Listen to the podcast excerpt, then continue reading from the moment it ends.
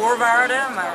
Ja, onder voorwaarden van monddood. Je mag niks zeggen en dan hoef je niet fysiek in de gevangenis te zijn. Ja, ja, als je bek houdt mag je eruit. Ja. Net als huigenplug. Goedemiddag, meneer Engel.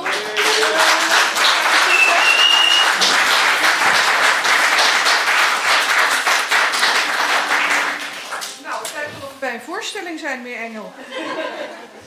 Goed. Ehm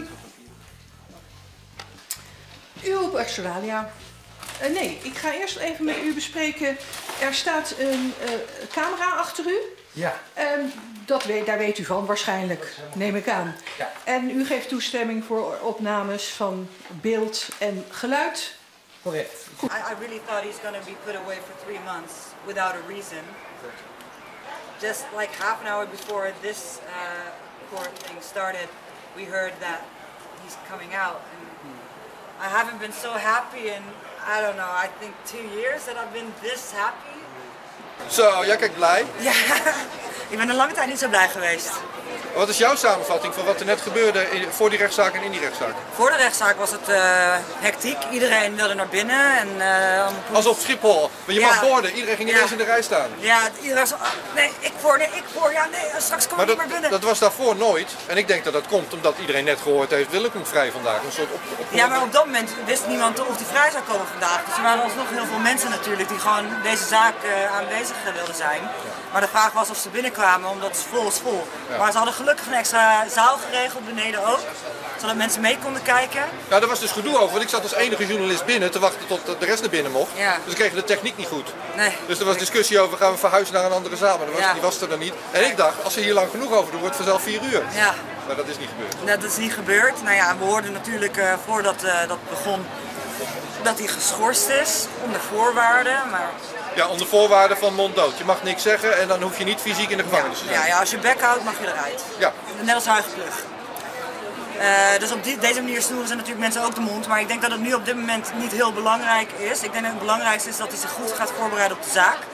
En eh, social media is sowieso afleiding. En ik denk dat we sowieso allemaal maar massaal van social media af moeten gaan. Nou, of in ieder geval degene die, die censureren. Facebook, YouTube, Twitter. Maar laat dan dit de oproep zijn. Dat iedereen Ja. naar BitChute, Rumble, Ja, Odyssey. nee, ik denk dat we sowieso niet meer op YouTube, Twitter, Facebook, eh, Instagram, dat soort kanalen. We moeten dat gewoon gaan saboteren. Ik denk dat we nu echt een vuist moeten gaan maken tegen de social media kanalen. En eh, we doen het wel op onze eigen website, want daar, kunnen we onze, daar is geen beperking op wat je... We gaan opnieuw beginnen met vrijheid van meningsuiting. Dan Ja. doen we het zelf wel. We doen het gewoon zelf. We hebben, we hebben die social media kanalen niet En nodig. je hebt vanavond je vriendje weer terug. Ja, Gefeliciteerd. dankjewel. Het lijkt alsof u iets wil zeggen, maar Ja, wat ik, zou u erover willen zeggen? Of begrijpt u niet goed wat er nu gebeurt? eh, nou, ik, ik denk dat ik begrijp wat er gebeurt. Er wordt een, eh, een sub toegevoegd van een wet, wet openbare openbare manifestaties. Alleen eerst stond er A en B en nu wordt de C er ook bij gestopt. En, en hoe luidt die? Want ik heb hem niet voor me. Dan, die subsidie die gaat over de eh, belangen die in artikel 2 worden genoemd. Op grond daarvan kan dan, eh, even kijken, heb ik hem ergens staan? Eh, een van de in artikel 2 genoemde belangen dat vordert. Ja, oké. Geen bezwaar. Ja, goed zo. Nou, bent u daar even blij mee, meneer Bertie? Wat is nou voor jou, joh? Ja, denk ik. Maar iets achter. Ja. Dit is wel nieuw. Ik maak vaker interviews met jou, maar we hebben niet eerder eh, zo allemaal publiek zo mee te kijken. Oké, maar we lachen erom. Ik sprak jou voor dat de rechtszaak begon. Hoorden we dat Willem eh, vrij zou komen vandaag. En je keek nog steeds chagrijnig. Ik zeg, Jeroen, Ja. kom op, dit moet je ook vieren. Kijk blij. Nu kijk je wel blij. Wat was je reactie toen je dat hoorde, toen ik dat zei tegen jou? Nou, kijk, eh, ik vind het heel erg dubbel. Ten eerste had hij daar helemaal niet mogen zitten, hè, dat om te beginnen. Dus dan ben je blij eh, dat er een einde komt aan een situatie die helemaal niet had mogen bestaan. Hè. Dus hetzelfde als dat je winkel gesloten wordt en dan dat je onterecht dat je blij bent dat hij weer open mag. Dat ten eerste, en waar ik niet blij mee ben, is als er voorwaarden opgelegd zijn, eh, dat hij zich niet meer zou mogen uiten. Eh, dat vind ik onaanvaardbaar, want dan ben je alsnog non-dood gemaakt. Dus daar gaan we nog even goed naar kijken, wat, wat de voorwaarden zijn. En eh, wat we daar gaan doen. Want ehm, ja, dan kan je net zo goed eh, vast blijven zitten als je je niet mag uiten. Dan kan je ook de strijd niet meer voeren. We hebben net die zitting gehad. Een hoop van die mensen zullen het gezien hebben. Maar ja, voor de mensen die deze, dit terugzien.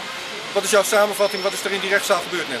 Ehm, nou, wat ik in de rechtszaal zag is een rechter die zich heel erg onzeker voelde. Eh, ze voelde natuurlijk dat alle camera's op haar gericht was, dus ze wist vrij moeilijk zich een houding te geven. Dat zag ik ten eerste. En ehm, daardoor denk ik dat het erg onhandig overkwam. De toon waarop zij sprak met Willem. Het was eh, erg neerbuigend. Maar ja, goed, ik ga ervan uit dat dat eh, vooral komt uh, door alle aandacht die op haar gericht is.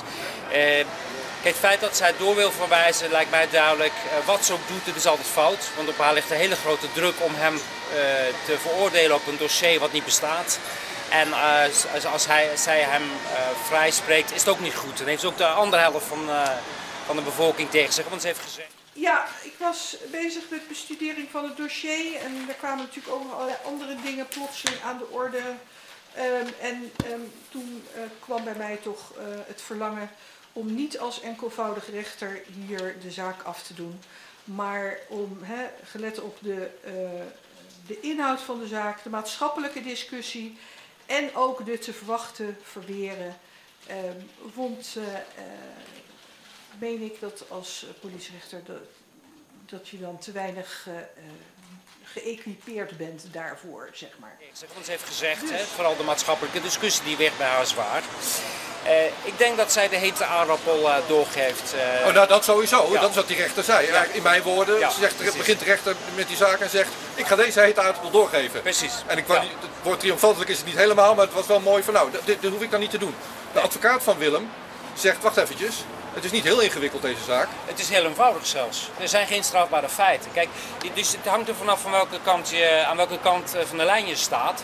Het is heel ingewikkeld als je iemand wil gaan veroordelen zonder dat er een strafbaar feit is. Dan snap ik dat het ingewikkeld is. Maar ja, daar heb je in feite geen meervoudige kamer voor nodig. Daar heb, heb je alleen maar een vrijspraak voor nodig. Maar ja, omdat het ongewenst is en we hebben een maatschappelijke discussie, kennelijk een druk willen moet veroordeeld worden, maakt niet uit voor wat. Ehm, dus daarom uh, denk ik uh, dat zij het ingewikkeld vindt en maar liever uh, doorschuift. Een netto effect is dat Willem de komende drie maanden zijn mond houdt. Voorwaar een prestatie. nou ja, dat gaan we dus kijken, want dat is mijn bezwaar. Je bent nu echt monddood, want als, het, is niet, het gaat niet eens meer om de inhoudbeoordeling, nee, het is nu tien trappen lager. Het, feit dat je je uit is op dat moment al een overtreding en kan genoeg zijn om je weer naar binnen te sturen. En dat vind ik zelf uh, onaanvaardbaar. Uh, ik geef even één voorbeeld. Uh, de, de. Uh, er wordt dan opgeschreven dat cliënten hebben aangezet tot burgerarrest. Maar er is gewoon een filmpje van, van 2,5 minuten. Dat is bijna mijn verweer op dat feit. En de cliënt merkt dat, dat hij ingesloten wordt met mensen, hij weet niet wat er gebeurt. Vervolgens wordt er van alles gezegd. En dan vraagt hij zich af, oké, is dit gijzeling? Moeten we overgaan tot burgerarrest? Maar het belangrijke nog is dat hij een minuut lang daarna zegt, nou, het is een livestream. Tegen de mensen die dan kijken zegt hij, ik roep jullie op om aangifte te doen tegen de burgemeester. Ik roep jullie op om aangifte te doen tegen de korpschef. Herhaaldelijk. Dat is de oproep. Dat is natuurlijk niet strafbaar. Maar goed, um, maar wat je ziet is dat als het gaat om beoordeling van het gedrag van een cliënt, dat aan de andere kant, ik geef een kleine voorbeelden dat gezagsdragers, bijvoorbeeld die Rutte, dat die zich in, op een bepaalde manier uit, wat de discussie verhardt in mijn optiek. Dat is bijvoorbeeld zeggen dat voetbalsupporters in het stadion gewoon hun bek moeten houden. Uh, dat uh, minister Hugo de Jonge zegt, ik weet van elke ongevaccineerde de postcode. Wat, waarvan heel veel mensen hebben gezegd, dat komt heel bedreigend over. Uh, dat burgemeester Bruls dingen heeft gezegd als rotzak en lafbekken. Ehm, ja, Oké, maatschappelijke discussie, verharding. De cliënt aan de andere kant, die altijd heeft gezegd, ik ben vredelievend. Ik roep op tot vrede, ik roep op tot liefdadigheid. Kleed je netjes, gedraag je netjes. Maar goed, is er dan een maatschappelijke discussie? Dat zijn zaken die we in principe kunnen vaststellen. Waar het om gaat is, is er wettig en overtuigend bewijs voor de gedragingen zoals die in de belastinglegging zijn beschreven? Dat is de vraag. Ja, ja, ja. Maar ik heb net ook genoeg genoemd, gewoon de inhoud van de zaak, hè? De inhoud van de zaak is wat mij betreft uh, enkelvoudig af te doen. Ja. Ja. de te verwachten verweren moeten we verweer voeren op vrijheid van meningsuiting en recht op demonstratie wat gewoon vaststaat? Nee, we gaan verweer voeren op is er wettig en overtuigend bewijs. Maakt het dus de zaak ingewikkeld, wat ons betreft niet. En dat gezegd hebbende, we refereren u aan uw oordeel. dat wel. Ik wil deze opmerking wel gemaakt hebben. Dank u wel. Goed, dank u. Wilt u daar nog op reageren? Nee. Nee. Mag ik nog wat zeggen? U wilt ook nog wat zeggen? Ja. Als het maar niet hetzelfde is als uw advocaat, want dat is niet nodig, want dan hebben we het al gehoord. Nee, ik wil het eh, OM een voorstel doen om deze zaak in te trekken. Dat kan niet meer. Oké. Dat, ze- dan, dan moet u echt rechten gaan studeren. Met oud-advocaat Frank Stademan voor het Paleis van Justitie in Den Haag. Je was net eh, in de zaak met Willem Engel. Ja. En ik vroeg jou binnen, wil je wat zeggen? Zei, ja, ik- eh, één ding wil ik hier zeker wel over Ja, zeggen. ik wil wel één ding zeggen. eh, niet inhoudelijk over de zaak, want daar heb ik te weinig zicht op. Maar ehm, ik vond de wijze waarop de politierechter Willem bejegende toen hij een, een bepaalde vraag stelde, vond ik geen niveau hebben. Dat, was, dat getuigde van een arrogantie, van een dédain. Eh, want wat zei ze toen Willem een opmerking maakte? Ja, dat, dat kan niet. eh, dan moet u maar rechten gaan studeren. Nou, zo ga je als rechter niet om met een verdachte.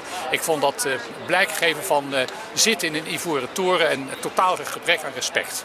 Het, het- er ontstond een debat over de vraag of de politierechter die zaak wel of niet zelf zou kunnen afdoen. Eerlijk gezegd, ik vond het onzin argumenten. Die politierechter kan natuurlijk wel die zaak zelf afdoen. Maar ze zal wel haar argumenten hebben. Ik denk dat ze niet durfde. Dat ze het dan in de eentje niet, niet durfde. Dank je. Graag gedaan,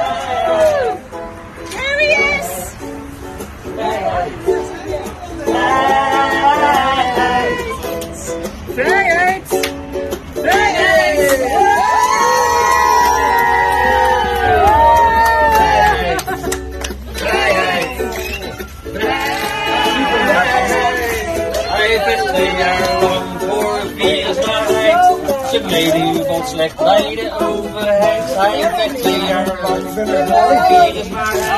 Zijn mening valt slecht bij de overheid. Vrijheid.